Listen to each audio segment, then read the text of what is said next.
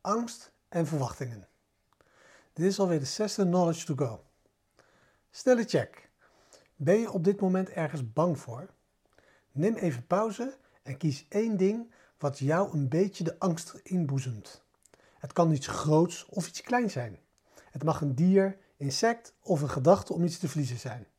Je mag ook iets kiezen van je werk of in een relationele sfeer, of iets financieels. Het maakt voor deze oefening even niet uit. Kies maar het eerste dat in je opkomt. Check. Oké? Nu kan ik je garanderen dat elke angst die je hebt voorgesteld verbonden is met een negatieve verwachting. Je denkt of verwacht dat er iets in de toekomst mis zal gaan. Het is duidelijk dat angst op zichzelf niet alleen maar iets slechts is. In feite kan het om een aantal redenen zelfs superhandig zijn. Maar voor de keren dat je angst dysfunctioneel is, heb ik een goede oplossing voor je. Er is een opmerkelijk eenvoudige, maar niet altijd gemakkelijke manier om met je dysfunctionele angst om te gaan. De kunst is om de negatieve verwachting naar een positievere verwachting te verschuiven.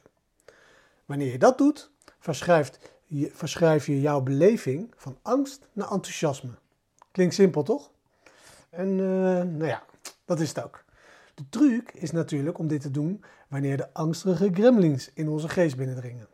Laten we eens even kijken naar de negatieve verwachting die jouw angst veroorzaakt en kijken of we daar een positievere verwachting bij kunnen creëren.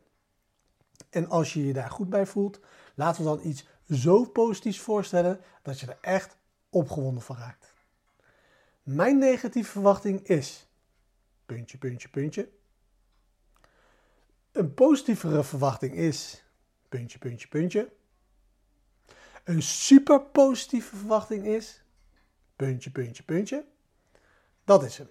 Angst en verwachtingen. Samengevat. Als jij je angstig voelt, kijk dan naar wat je verwacht dat er zal gebeuren. Het is waarschijnlijk iets negatiefs.